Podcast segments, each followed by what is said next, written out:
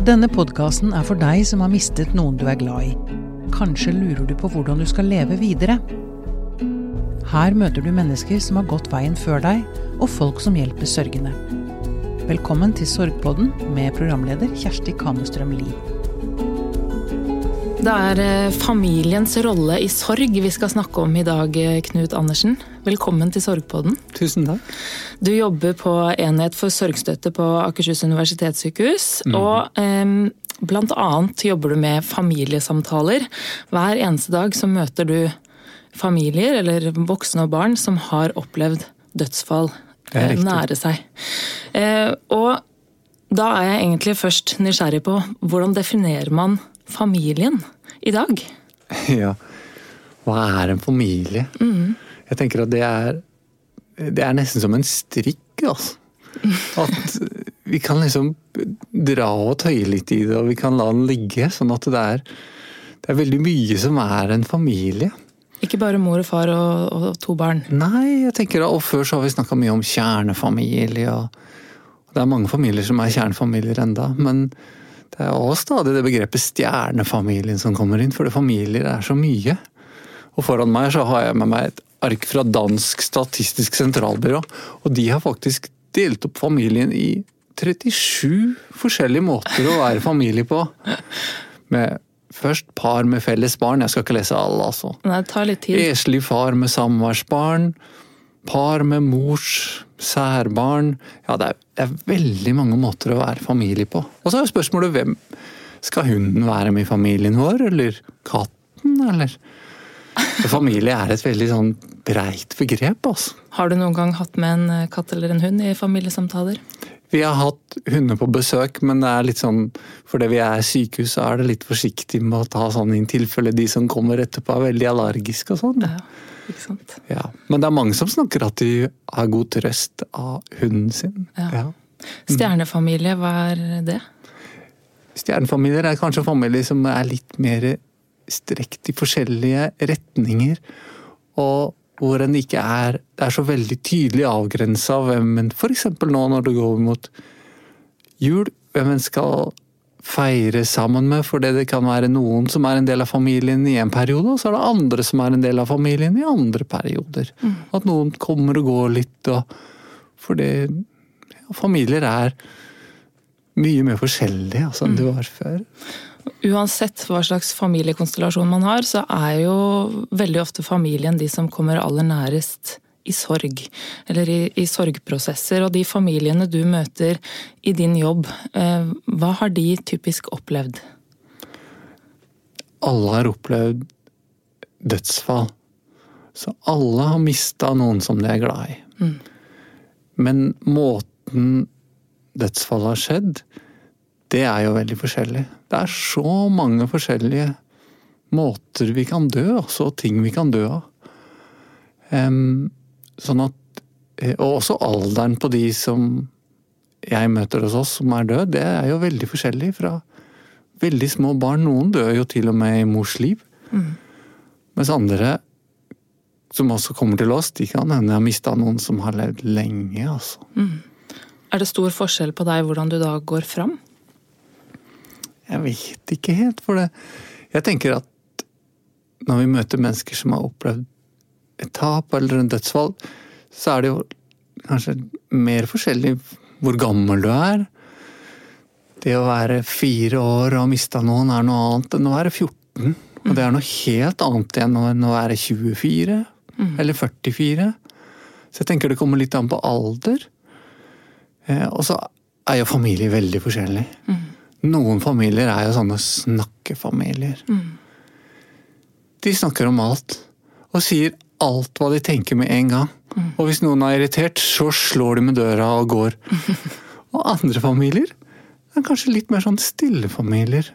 Som ikke sier så veldig mye. Og som alltid spiser middag. Og det er ganske stille når de spiser. Mm.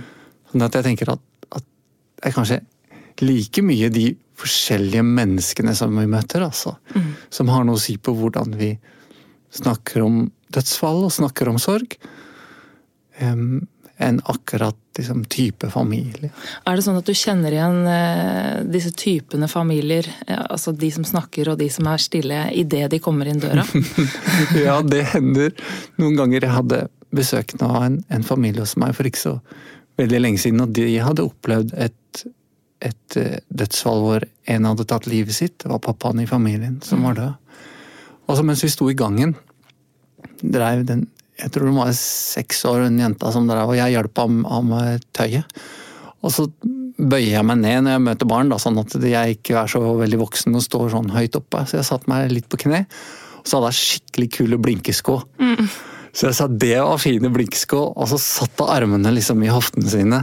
Og så så på meg og sa vet du hva, jeg vet hvorfor vi har kommet hit. Mm. Pappa har tatt et tau rundt halsen så han ikke fikk puste, mm. og det skal vi snakke sammen om i dag. Mm. Og sånn var det å snakke med den familien. De lo og fortalte kjempemorsomme historier om pappaen sin, om de fine tingene som de opplevde sammen med han. Og seksåringen fortalte at hvis noen kunne vinne pris i å kaste barn høyt opp i været og ta det imot, så ville kanskje pappa fått en sånn premie. For det var han så veldig flink til. Mm. Det fortalte også hvordan det var å ha en pappa som var veldig alvorlig syk. Psykisk syk og som hadde vært innlagt på psykiatrisk sykehus, og som noen ganger var veldig stille, og som familien merka hadde det veldig vanskelig. Mm. Så noen sier alt. Mm. Eller jeg vet ikke alt, men veldig mye. Og med en gang? Og med en gang. Mm. Hva slags tanker gjør du deg da når, når, det er en sånn type øh, familie du får servert? holdt Jeg på å si? Jeg tror nok fordi jeg jobba med det her og møtt veldig mange som har opplevd tap, så er jeg litt mer sånn avslappa i at noe er så riktig og ikke. Mm. Sånn at familier finner ut av det på sin måte, som regel. altså. Mm. Og de familiene som snakker mye, det er kjempefint. Jeg tenker det er nyttig, og alle vet hvor de har hverandre. Mm. Og en del andre familier er kanskje mer stille. Mm. Hvordan går du fram da? det er litt forskjellig. Mm. Um, hvis mammaen og pappaen og barna er veldig stille alle sammen, så går det an å si noe uten å bruke ord. Mm. Um, hadde en familie for en stund siden som ikke hadde så veldig lyst til å snakke, men de hadde veldig lyst til å fortelle samtidig hvordan de hadde det. Mm. Da går det an f.eks. an å bruke rommet. Mm. Og si at mye er på den ene siden av rommet, og lite er på den andre. Og så spørre noen spørsmål, og så be familien stille seg litt i rommet. Mm. Så snakker de veldig mye uten å si noe, egentlig. Mm. Vi har også noen ting som vi har lagd hos oss ved Enhet for sorgstøtte som hjelper oss. F.eks. et slags sånn Vi kaller det sorgsalat. Det, er et, det må du forklare. Ja, det er som en Når du spiser salat, så er det veldig mye å velge med når du går til et sånt salatbord. Så er det mange forskjellige ting, og så kan du ta det du vil. Mm. Og for familier som, hvor det er litt vanskelig å snakke, eller vanskelig å vite hva dette heter, så legger vi ut jeg tror vi har noen og 50 forskjellige sånne ord og begreper. Det kan f.eks. være mye trist, lik meg mest alene, eller vil bare være ute, eller se mye på TV, eller mer dataspill. For voksne kan det være sånn som mer vin. Mm. Eller det er mange ord. Mm. Og så får de en tallerken. Og så kan de plukke de ordene som de syns passer. Og så har de med seg sin salat. Og så snakker vi om de ordene som de velger. Mm. Snakkesalat. En snakkesalat. Mm. Og hva mm. gjør man når man har kommet dit? Hvordan går man videre? Eh, neste steg i samtalen? Eh, når hvis vi lager en snakkesalat, og alle har med seg den, så er det mange ting vi kan gjøre med den. Vi kan f.eks. lage en sånn premie En seierspall eller en premieliste med de som er sterkest øverst av alle de ordene. Så at vi rydder litt i dem. Mm. For noen ganger kan det bli mange ord som enkelte velger. Mm. Og da må vi kanskje rydde litt først og si hvem er det som er sterkest, eller som jeg tenker mest på, eller som er mest aktuell for meg nå. Og at de blir øverst. Og de som er aktuelle, men ikke så mye, er nederst. Så vi kan legge de etter hverandre. Eller det går an å gi de en et tall fra én til ti. Og ti er veldig mye, og én er veldig lite. Og så at alle sammen nummererer sine, og så kan vi begynne å legge på og se er det noen som har noen tiere her som er veldig sterkt, og hva er det? Mm. Og så ser vi, og det er jo ofte veldig flott og sterkt i en familie når en snakker om de tingene som en opplever liksom er viktige, og som en kjenner opptar seg. Mm. Det høres jo nesten litt sånn barnlig ut, men nå jobber jo du også mye med familier hvor det er barn involvert. Mm. Er det samme type eh, framgangsmåte hvis du snakker også med familier med, med, nesten voksne barn, eller hvor det kanskje ikke er barn i det hele tatt? Opplever at hvis vi har familier med mange voksne, så er nok vi voksne flinkere til å snakke. Mm. Flinkere med Vi vet litt mer hva ting heter. Mm. Sånn at når barn er stille, eller i familier med hvor det er noen som er stille, så tenker jeg det er ikke alltid fordi de ikke vil, men de vet ikke helt hva det heter. Mm. Og heldigvis så er det mange som ikke har opplevd sånne ting før. De har ikke opplevd dødsfall på den måten før, så de har ikke så mange ord. Og de vet ikke helt hvordan de skal si det. Men med voksne, og når vi er sammen med bare voksne i familien, så tenker jeg de De har flere ord. Så det er lettere å snakke om det. De som kommer til deg, de, de, er jo forberedt på at de også må snakke, da, fordi de skal i en, en samtale om sorg. Men før det, hvordan kommer dere i kontakt med akkurat disse familiene? Mm. Vi er et, et, lite fagmiljø på Akershus universitetssykehus, og det miljøet har vokst i løpet av 20 år, hvor den lille enheten har vært, som nå heter Enhet for sorgstøtte. Sånn at når de kommer til oss, så er det sånn at alle må ha en henvisning fra fastlegen sin før de kommer. Mm. Til å begynne med var jeg litt sånn skeptisk og sånn motstander av det at liksom du måtte til legen for å komme, og at det, sorg egentlig er ganske naturlig. Men nå ser jeg at det er mange positive ting med det òg, for ved å gå gjennom fastlegen sin, så er det sånn at mange har fastleger som følger de lenge. Mm. Og når vi får en henvisning, så krever jo det òg at vi må gi en tilbakemelding til fastlegene. Mm. Sånn at fastlegene blir på en måte en slags sånn nav i hjul i forhold til resten av livet.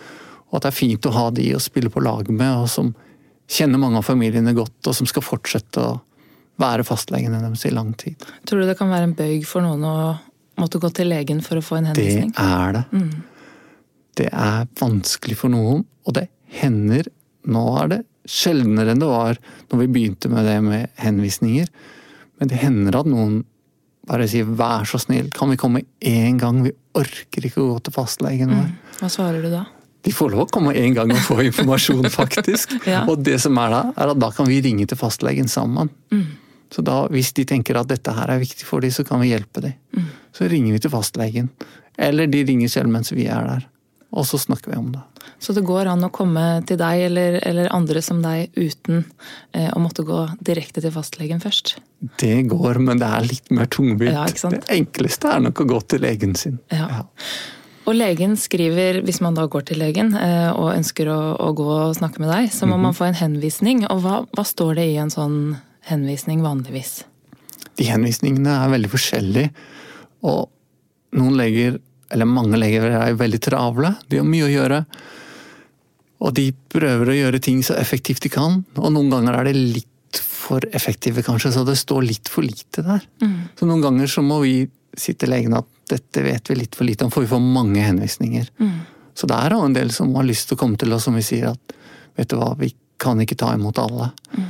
Så da trenger vi en ganske sånn grundig hvor det står skrevet litt om når dette dødsfallet skjedde, hvem det var som døde, hvordan relasjonen var, hvordan en fungerer nå etter dødsfallet, om en er i jobb, om en kanskje før har fått hjelp, både psykisk og fysisk for den del, eh, og at det er et eh, litt bredere bilde som blir gitt av den enkelte, da, enn bare to setninger hvor det står 'trenger sorgstøtte, far døde'. Mm.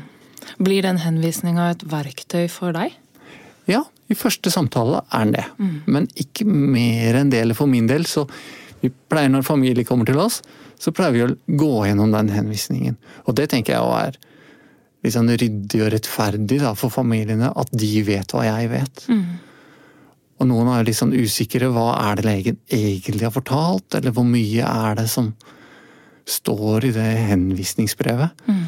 Så vi pleier å gå gjennom det ganske grundig med de som kommer til oss, sånn at de vet alt hva vi vet. Mm. Og da kan det være bare én person i denne familien som har vært hos legen og ønsker å ha med seg resten av familien til deg. Det er sånn at hvis vi får en henvisning fra en familie, så må navnet på alle som står som skal være med, den må stå på den henvisningen. Men det holder med bare ett brev for en hel familie.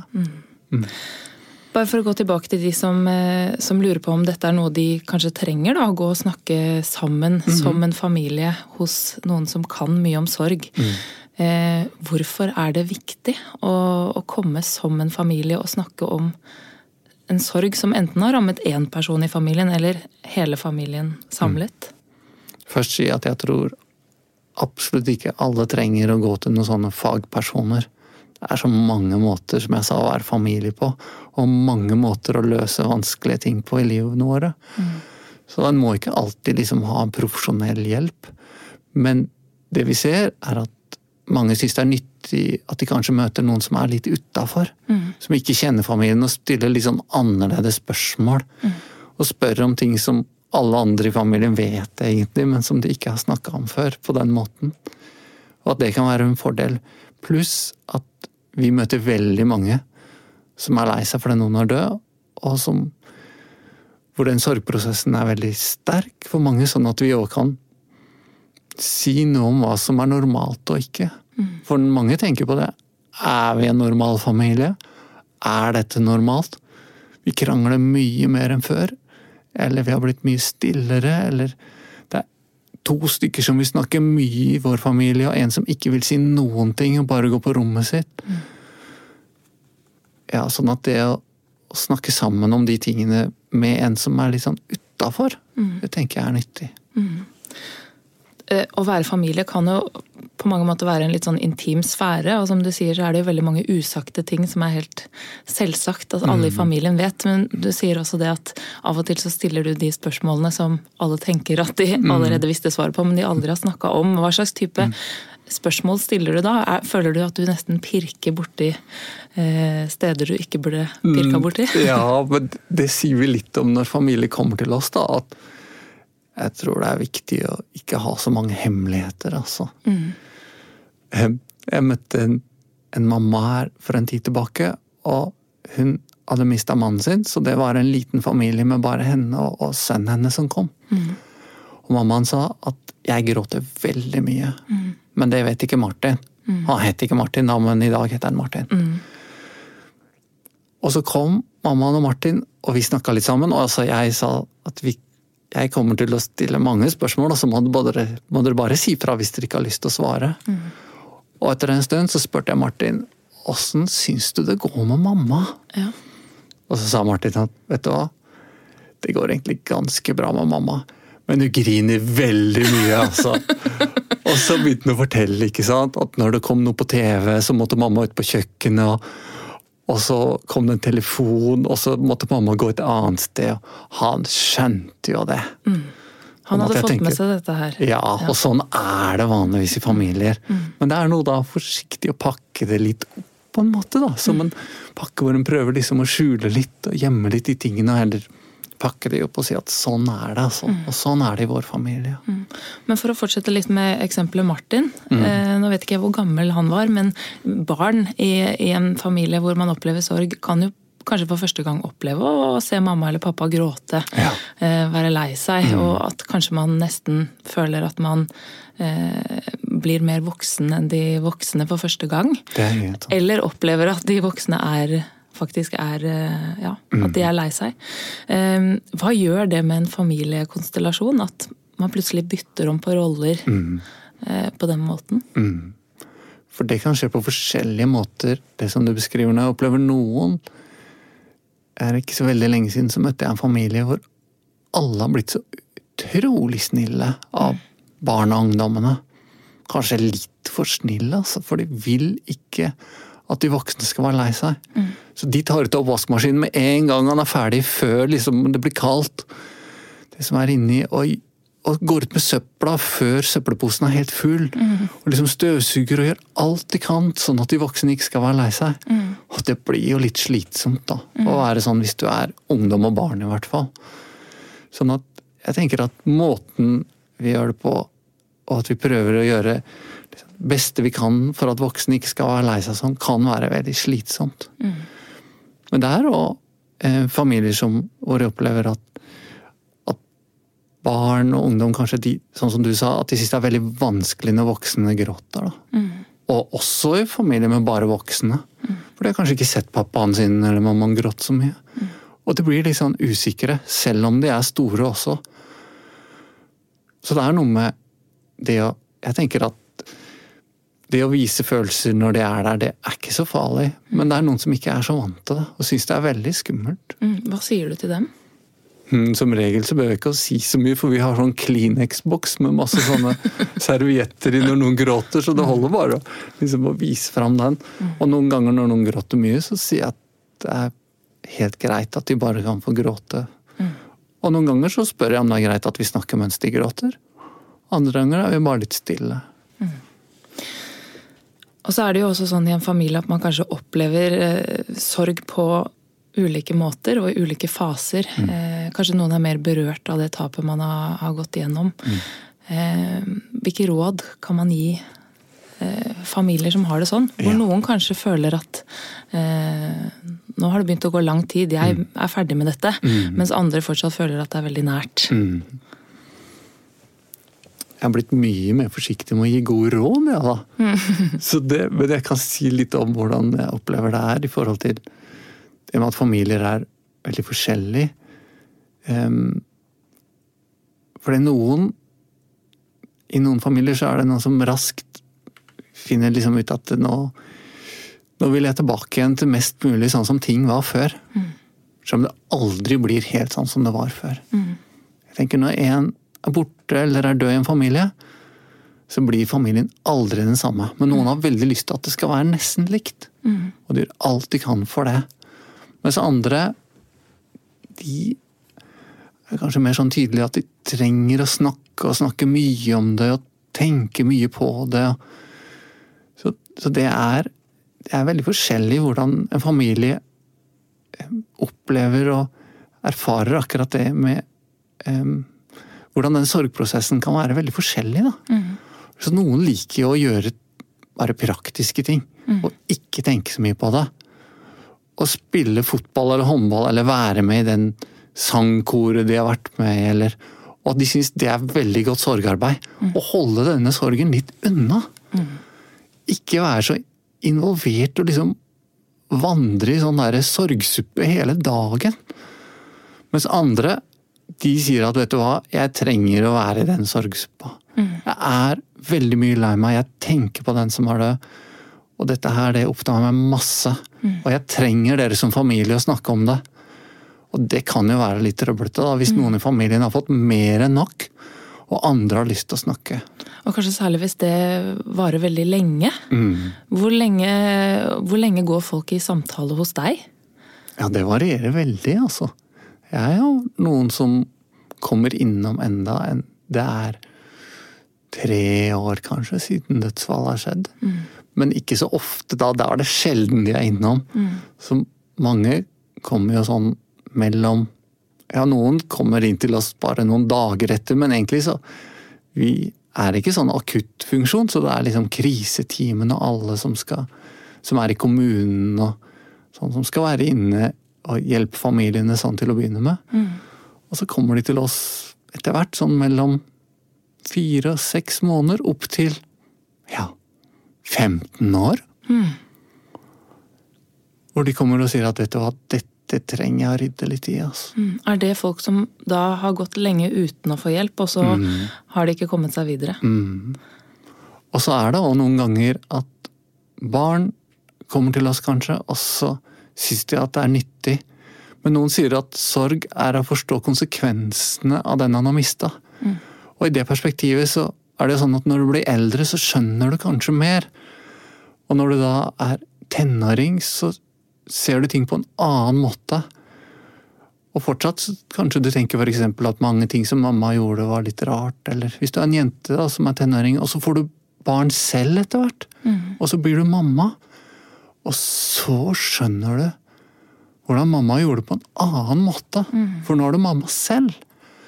Sånn at en del kommer også innom av og til og trenger noen sånn prater eller rydder litt for det.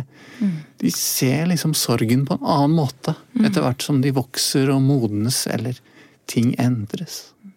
Det er såre tema, og jeg tenker at eh, disse ulike fasene man er i, og prosessene man har som er så ulike, også kan i verste fall føre til at familier rett og slett splittes, og ikke, kanskje ikke klarer å, å holde på den nærheten man har hatt. Eh, ja, Nå sa du at du ikke ville gi noen gode råd, men hva, hva, hva gjør du for å sørge for at man eh, kan unngå det? Eller hva, hva, sier du til familier hvor du tenker at her er det en fare for at eh, her kan man rett og slett bli uvenner, eller ikke Ja. klare å snakke sammen i det hele tatt? Og det er jo ganske vanlig. Eh, Så én ting er kanskje å vite at det er en ekstrem situasjon for en familie å oppleve et dødsfall. Det er liksom ikke bare sånn en børster av seg og liksom gå videre ganske kjapt, for det livet er forandra for alltid. Det blir aldri helt det samme. Sånn at det er en, en, en veldig sånn sterk påkjenning, tenker jeg, for mange familier i forhold til at det er en som aldri kommer tilbake. Og når det er veldig store konflikter og mye uro, tenker jeg da må vi som fagfolk prøve å hjelpe. Altså. Og noen ganger så er det nyttig å være hos oss. Det er også familier som eh, i tillegg går til familieterapi, hvor foreldre er veldig uenige. Og de har kanskje vært litt uenige før. Og så mister de kanskje barnet sitt, og så blir de enda mer uenige. Vi opplever at når en opplever et dødsfall, så gjør vi litt mer av det samme som vi tenker liksom er det beste for oss. Og hvis en da har vært veldig irritert eller sint og syns det er greit liksom å få det ut alltid, så kan denne den personen bli enda mer sint. Og hvis den andre i familien har vanligvis tenkt at det beste er at jeg er stille, så kan denne hende den bare bli enda mer stille. Og da kan det være nyttig med litt ekstra hjelp. Altså. Enten at de kommer til oss, men også at de får annen form for faglig støtte. Og når det er veldig intenst fordi tenåringer eller barn er rasende på foreldrene sine, og det kan jeg lure på av og til, er dette sorg? Er det bare fordi de er tenåringer? Er dette helt normalt? Hadde Martin gjort dette samme hva? Så det er jo litt vanskelig. Hva er det som er sorg, og hva er det som bare er det vanlige livet? Men da tenker jeg å- at det er nyttig å gjøre en sånn liten opprydding. Da. Så det har vi stadig hos oss. Når det er veldig store konflikter, så må vi kanskje finne litt ut av ting. Og si at dette Vi pleier å lage tre sånne.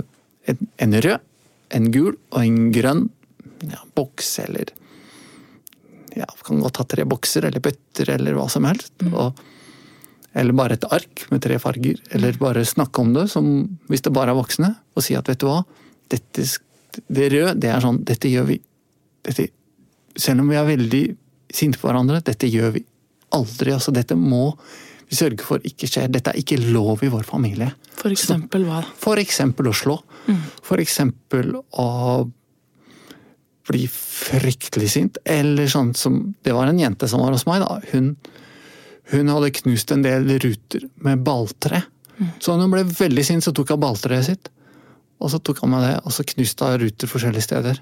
Det er rødt. Um, så det er en del ting som jeg tenker at dette Og det må familiene snakke om sjøl og finne ut av, men å si at dette Sånn gjør vi ikke hos oss også. Når vi er veldig sinte eller veldig lei oss. Og så er det noen ting. Kanskje du kan si at dette her er vi ikke fornøyd med, men vi skjønner det er sånn. Og så er det en del ting som kanskje har vært veldig viktig før. Jeg møtte en familie som vi hadde en sånn prat for ikke så lenge siden. Og der hadde jeg med votter da, på tenåringer. Mamma var veldig opptatt av at de skulle ha på seg votter.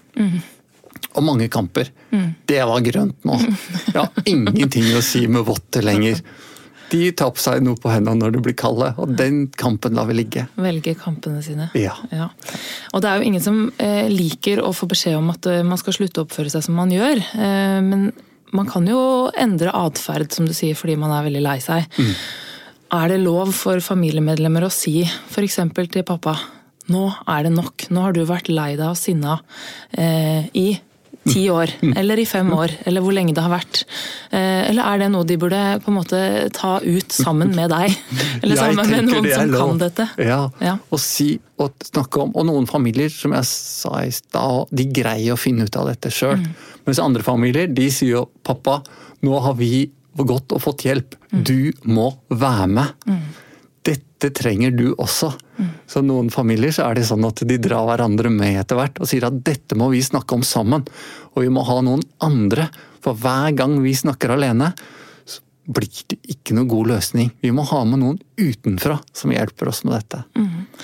Kan det være en eh, idé å, å hente inn noen andre enn eh, eksperter som deg? Kan det være naboen? Det tenker jeg kan være nyttig hvis det er noen som de er trygge på og har tillit til.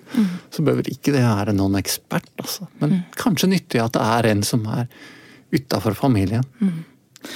Nå har vi snakka mye om familier som kommer til deg. Det er jo familier som vil snakke sammen, eh, selv om de kanskje ikke har gjort det så mye før.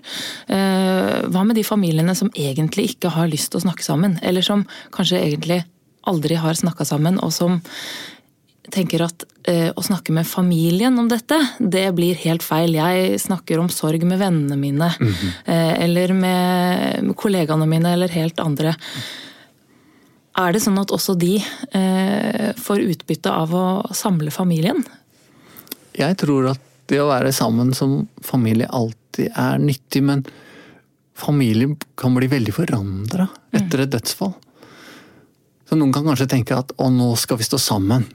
Nå på en måte, Og de gråter kanskje og er lei seg og kjenner liksom når de er begravelse at de er tett. Og, og det er ofte kanskje de voksne som tenker at dette, vi skal stå sammen som familie. Og så går det noen dager, og så er det slutt på det. altså. For de andre vil ikke snakke mer. Og de vil i hvert fall ikke snakke med de voksne. Og da kan det hende de voksne begynner å grine, og det orker de ikke. Og de vil ikke snakke om dette hjemme. Så jeg tenker at det å, det å få et fora hvor en forsiktig prøver å nærme seg, det kan være nyttig. Men det er, det er ikke sånn at alle må snakke om det. Det går an å leve et kjempegodt liv, selv om man ikke snakker om alle tingene til alle. Og det her er jo noe som forskerne har sett litt på. og I begynnelsen så var det jo når de begynte å se på det her, så var de veldig bekymra for de som ikke ville si noe. Tenkte det kommer til å gå det ille. Det er liksom En dag så sprekker bobla, og da kommer de, til å, kommer de til å falle sammen. Eller. Men de har fulgt noen ganske lenge som ikke hadde så lyst til å snakke om det når de var tenåringer. Og de har det veldig bra enda, så mange av de. Så det er ikke sånn at alle må snakke så mye. Det går an å finne fine måter å fungere på som familie uten å snakke om alt som er så trist og vanskelig. Og heller gjøre aktiviteter eller prøve å være sammen på andre måter, altså. Det er ikke sånn at en absolutt må snakke om alt som er så vondt og trøblete. Og de som kanskje ikke har en eh, familie, eller eh, ikke vil snakke med familien sin, er det sånn at man kan komme til familiesamtale i, i, i gåsetegn med andre enn de som er den biologiske familien også? Mhm, Det er helt riktig. Eh, vi kaller det nettverksmøte, vi. Har et sånn fagord på det. Og da, da Den som kommer til oss, kan selv velge hvem som skal være med. Noen ganger er det fem, og noen ganger er det 30. Eh, og så er det noen av oss fagpersonene som leder det. Men det er den som er alene, som, eller den som på en måte har kommet til oss, som har ballen. Så den velger selv hvem han vil invitere. Em, og så pleier vi å snakke litt sånn generelt om sorg, og vise noen modeller og noen teorier og sånn. Og så har vi bedt den som inviterer, å lage en liten sånn tale. Hvor den beskriver hvordan det er å være seg, så modig en kan. Ofte så når vi, jeg har sånne nettverksmøter, ber jeg de ofte skrive det ned, for noen ganger så begynner du å gråte veldig. Og da kan jeg bare fortsette, for da har vi det skriftlige og har snakka om det. Så da kan jeg si at nå ser dere Marte gråter veldig, og vi har snakka om det her. Så jeg skal lese opp resten av det som Marte har skrevet. Så slipper vi å at nettverksmøtet går i ball fordi en er så lei seg.